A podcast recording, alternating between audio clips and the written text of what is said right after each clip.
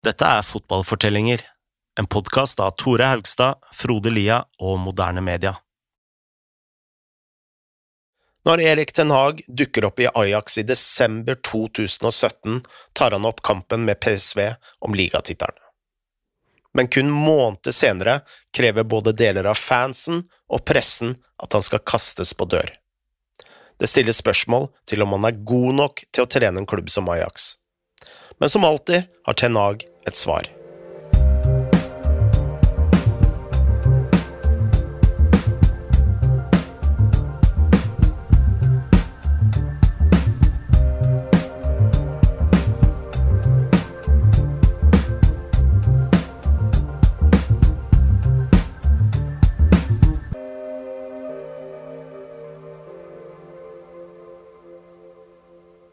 Det var romjul da Ten Hag dukket opp i Amsterdam.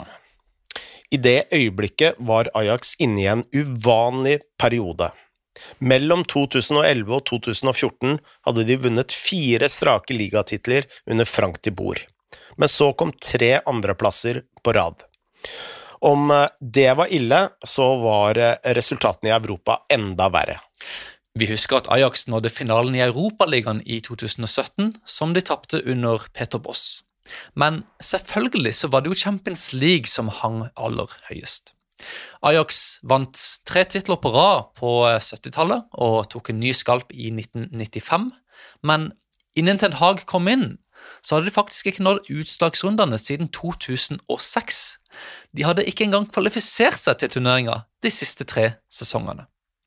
Tre ganger på rad hadde Ajax gått på smeller mot lag de følte de burde ha slått.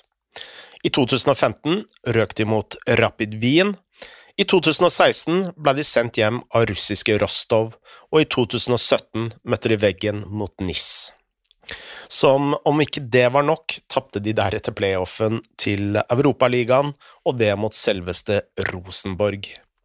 Den flausa ble ikke godt mottatt i Amsterdam, ifølge Paul Thomas Clay.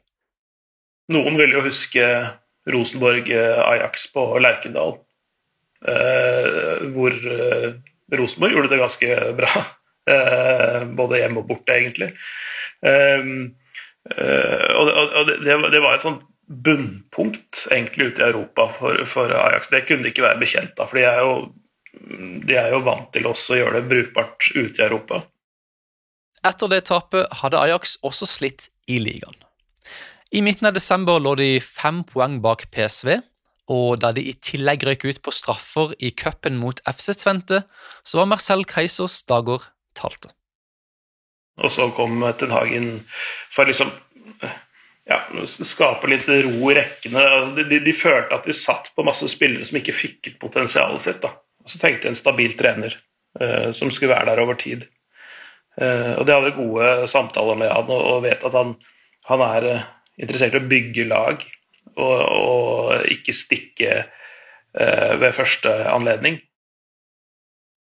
Selv om Ajax vakla på banen, kom Ten Hag inn til gode forhold. Han skulle jobbe med Edwin van de Sar, som hadde vært daglig leder der siden 2016, og Mark Overmarsh, som hadde vært direktør siden 2012. Han hadde et av Europas beste akademier, og Mathis de Licht, Donny van de Beek, Frenkie de Jong var alle etablerte spillere. David Neres og Hakim Siers var også på plass, mens André Onana vokta buret. Siden Ten Hag kom inn rett før vinterpausen, så hadde han ikke en kamp før 21. januar, så han fikk nesten en hel måned på seg til å forberede laget. For å høre mer om hvordan det gikk den sesongen, så har vi snakka med Erik Elias. Han er en nederlandsk speider og analytiker som driver Twitter-kontoene Between the Posts og jeg vet ikke hvordan dette uttales på, på eh, nederlandsk, men 11 tegen 11. Eh, og han tar også oppdrag for flere europeiske klubber. Erik hadde dette å si om hvorfor Ten Hags start i Ajax ble så tøff. At Utrecht, Ten Hag was a good manager. He set up his team very well. But it was not in the traditional Ajax way, which you could have expected with short passing at the back and good pressing. His team really didn't do that at all. So in the first six months at Ajax, even though we had amazing players like Frenkie de Jong, uh, De Ligt, uh, the build-up wasn't really good. Um, there was not a lot of pressing up front. And the fans were really not happy with Den Haag, actually. They lost the championship. Uh, PSV won it that year. And if you believe it or not, in the last league match of the season, the Ajax fans were shouting uh, that Ten Hag should leave and that he was not a good manager. And he also had really bad press, so not pressing on the pitch, but really bad pieces in the media that he was not the good Ajax manager and that um, yeah, that he was just not fit to be a top manager. Men det er noe som skurrer her. Ser man nærmere på resultatene og tabellen det halvåret, så kommer ikke Ten Hag så galt ut. Vi har jo eh, blitt veldig godt vant med den berømte eh, Solskjær-tabellen, og på den Ten Hag-tabellen, eh, hvis vi kan kalle det det, Altså, de seks månedene som Ten Hag da leda Ajax, så vant han 12 av 16 kamper. Riktignok eh, vant PSV tittelen, men Ajax tok et poeng mer enn mesterne etter at Ten Hag dukket opp i Amsterdam. Så hvordan kunne han likevel være så upopulær? Elias fortalte oss at det var flere grunner enn kun spillestilen. First of all, he is not a big name as a player. He never played a cap for Holland, for the Netherlands, I should say. He never played at a top club. He didn't manage big teams at all. So that's one. People say he doesn't have charisma. I don't entirely agree. But okay, that's that's subjective. But secondly, indeed, um, he talks with a really Eastern accent, so it can be a bit hard to understand him, even uh, in Dutch. And there was one newspaper, Telegraaf. I wouldn't say it's the equivalent of the Daily Mirror. It's a, it's a bit more quality, but but not much. They really ran a bad campaign against him. Every week, another article about uh, that it was not his work, that actually the assistant did it very well, and stuff like that. Uh, he doesn't have friends in the media at all because he, he was never a good player, so he never really had the connections with journalists, etc. And even even last season, there were still some some bad articles in that uh, in that same paper. He's not he's never really been loved by media in that sense. He's not really someone like Klopp who can make a smile in a press conference, make a joke, and then win over some people. That that's not really his kind of style. Sommeren 2018 var det på tide å backe Ten Hag på markedet. Både han, van der Sar og Overmars visste at de hadde talentene, nå ville de ha en dose erfaring i tillegg for å skape balanse i laget. Så de henta Daley Blint, som hadde fått mindre spilletid i Manchester United, og Dusan Tadic, som var ferdig med Southampton. Tadic var faktisk hele 29 år idet han signerte kontrakten, og de to kosta 30 millioner euro totalt, som var en god del penger for en nederlandsk klubb. Tenag begynte sesongen med å ta Ajax rett inn i Champions League etter seire i kvaliken mot Sturm Graz, Standard Liège og Dynamo Kiev. I ligaen var faktisk starten ganske ille, for de klarte kun 1-1 hjemme mot Herakles i første kamp. Men så fant Ajax rytmen, og innen vinterferien sto de med 15 seire på 17 kamper. Og nå hadde førsteelveren virkelig satt seg for Ten Hag. Han hadde Onana i mål, Blindt og De Licht som stoppere, argentineren Nicolas Tagliafico på venstre back og marokkaneren Nosair Masraoui på høyre back. Sentralt styrte de Jong sjappa ved siden av danske Lasse Schøne. Fremme var kantene Siech på høyre, Neres på venstre, Fanny Beek like bak spissen og Tadic som falsk nier. La oss høre mer fra Erik Elias om selve spillestilen. First of all, it was very, very offensive. They started out always in a 4 2 3 1 shape, but then Frenkie de Jong dropped next to the central defenders. Fullbacks pushed up a lot. So you have three guys at the back, one, guy, one guy in front, and then basically six outfield players that were just attacking. The fullbacks both pushed up, and then later in the attack, Frenkie de Jong went up as well. So they had like three or four players behind the ball at some moments, which was uh, very offensive and yeah, they were just not a good team when it came to defending in their own half. So they knew, okay, we have a lot of ball playing guys like Baby Blind at the back, uh, Mazraoui uh, at right back, who's basically a midfielder as well. So they knew we have to press high and win the ball back because we are not a good team when we are defending in our own box. Um, so yeah, that's it. And if we look at the offensive principles, uh, Tadic was playing as the striker. Of course, we know he's not a striker. He just dropped to the side of the ball to create an overload there. Um, you had a guy like Ziyech, who is not a right winger, but more of a playmaker who came inside. So it was very much a modern uh, edition of the Ajax football that made Ajax so popular uh, and world famous. Selv om Ajax herja i ligaen, var det Champions League som hang høyest. De fikk en tøff gruppe bestående av Benfica, AIK Aten og ikke minst Bayern München. Grekerne blei feit til side som forventa, så nøkkelen var at Ajax tok fire poeng mot Benfica. Men selv også Bayern slet med å slå Ten Hags mannskap. Oppgjøret i München endte 1-1, og i Amsterdam klarte Ajax 3-3 i en kamp hvor det var to røde kort, og hvor Taglifico utligna fem minutter på overtid. Nå sperra mange opp øynene for Ajax.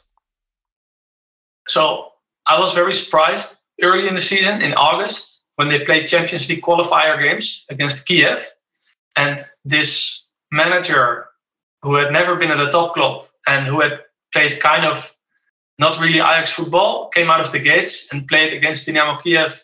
Uh, the team played really modern football, and then people were like, "Hey, that's different than last season." And then they went away to Bayern Munich, and they played one-one, and it was a very good game, uh, very offensive, and Bayern at times couldn't get out of their own half. And in the home stage in the group phase, they played 3-3 against Bayern, and it was the same. And then people started noticing, okay, this might be a really special team, and Ajax also went through in the Champions League to the knockouts for the first time since 2006. So yeah, I think that was basically when people started noticing, hey, maybe this team is very good, and maybe this Ten Hag guy is actually a good manager, including myself. Det var ganske vanvittig hvor fort denne prosessen hadde gått. Kun ett år etter at han hadde tatt jobben, så hadde Ten Hag gjort Ajax veldig mye sterkere, og det er kun ved å kjøpe et par spillere. Selvsagt var det taktiske en stor del av dette, men det mentale var vel så viktig. Han, han jobba nok mer med spillerne sånn individuelt og hodene deres, og, og prøvde å få dem til å, å, slippe seg litt fri, kanskje. Altså sånn, i, i, i hver sine roller. Ikke det, de, at de hadde sånn carte blanche til å gjøre hva pokker de ville når de fikk ballen, men at han fikk de til å slippe seg litt løs og være mer fryktløse, tror jeg nesten. Jeg tror, jeg tror nesten ligger litt der. Fordi, fordi, de gjør jo akkurat det samme i æresdivisjonen som de gjør ute i Europa. Det, altså de, men før så har de dominert like mye i Nederland, men har slitt å ta det opp et hakk. da. Å være tro mot sine egne ideer når de møter eh, internasjonal motstand. Uh, og det er jo kanskje den store forskjellen. At å ha troa på egne ferdigheter også når du møter enda bedre motstand enn det du gjør i hverdagen. Det er den største forskjellen. Da spillerne tok vinterferie, var de altså klare for utslagsrundene. Men utrolig nok ledet de faktisk ikke ligaen. Selv om de hadde vunnet 15 av 17 kamper, hadde PSV vunnet én kamp mer under den tidligere råtassen Mark van Bommel.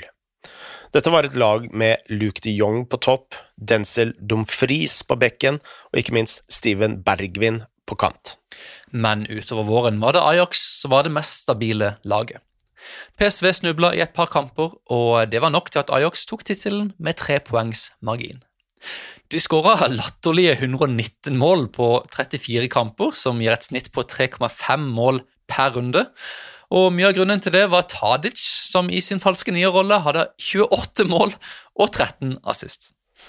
Det var imidlertid Champions League som skulle by på det største eventyret.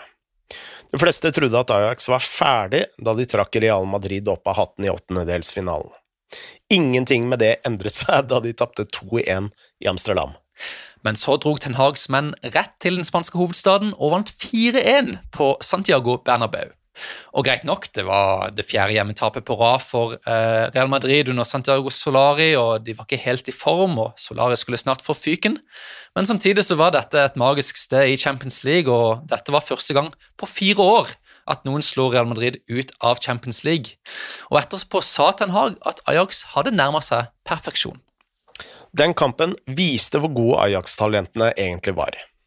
De Jong, de Ligt, sto frem som klassespillere internasjonalt.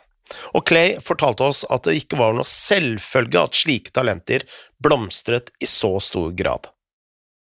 Nederlandske talenter uh, har en sånn tendens til å bli hausa på altså De har en veldig stolt fotballhistorie, med mange store navn.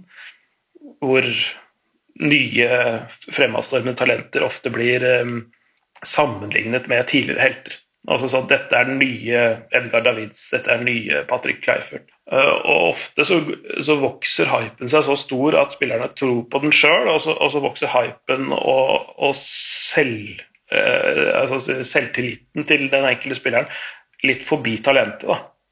Man jobber ikke hardt nok eh, i en viktig fase i en fotballkarriere der hvor du skal liksom eh, ta det fra gjennombruddet til å stabilisere deg på et høyt nivå.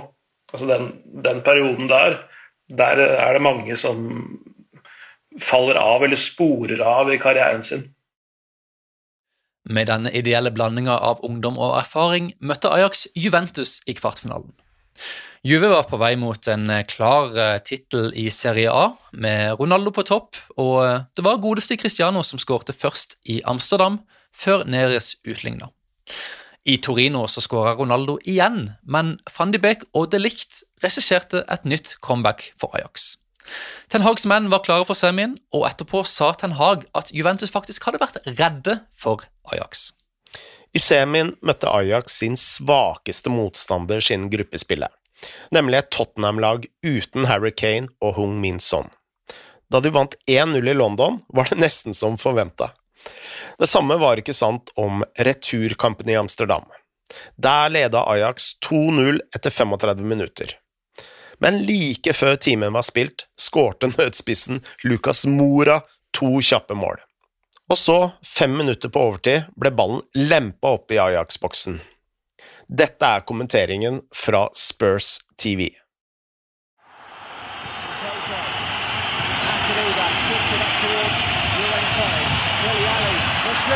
They're sliding. It's in. Lucas Moura with the hat-trick goal. Spurs are going to the Champions League final for the first time in their history. I do not believe it.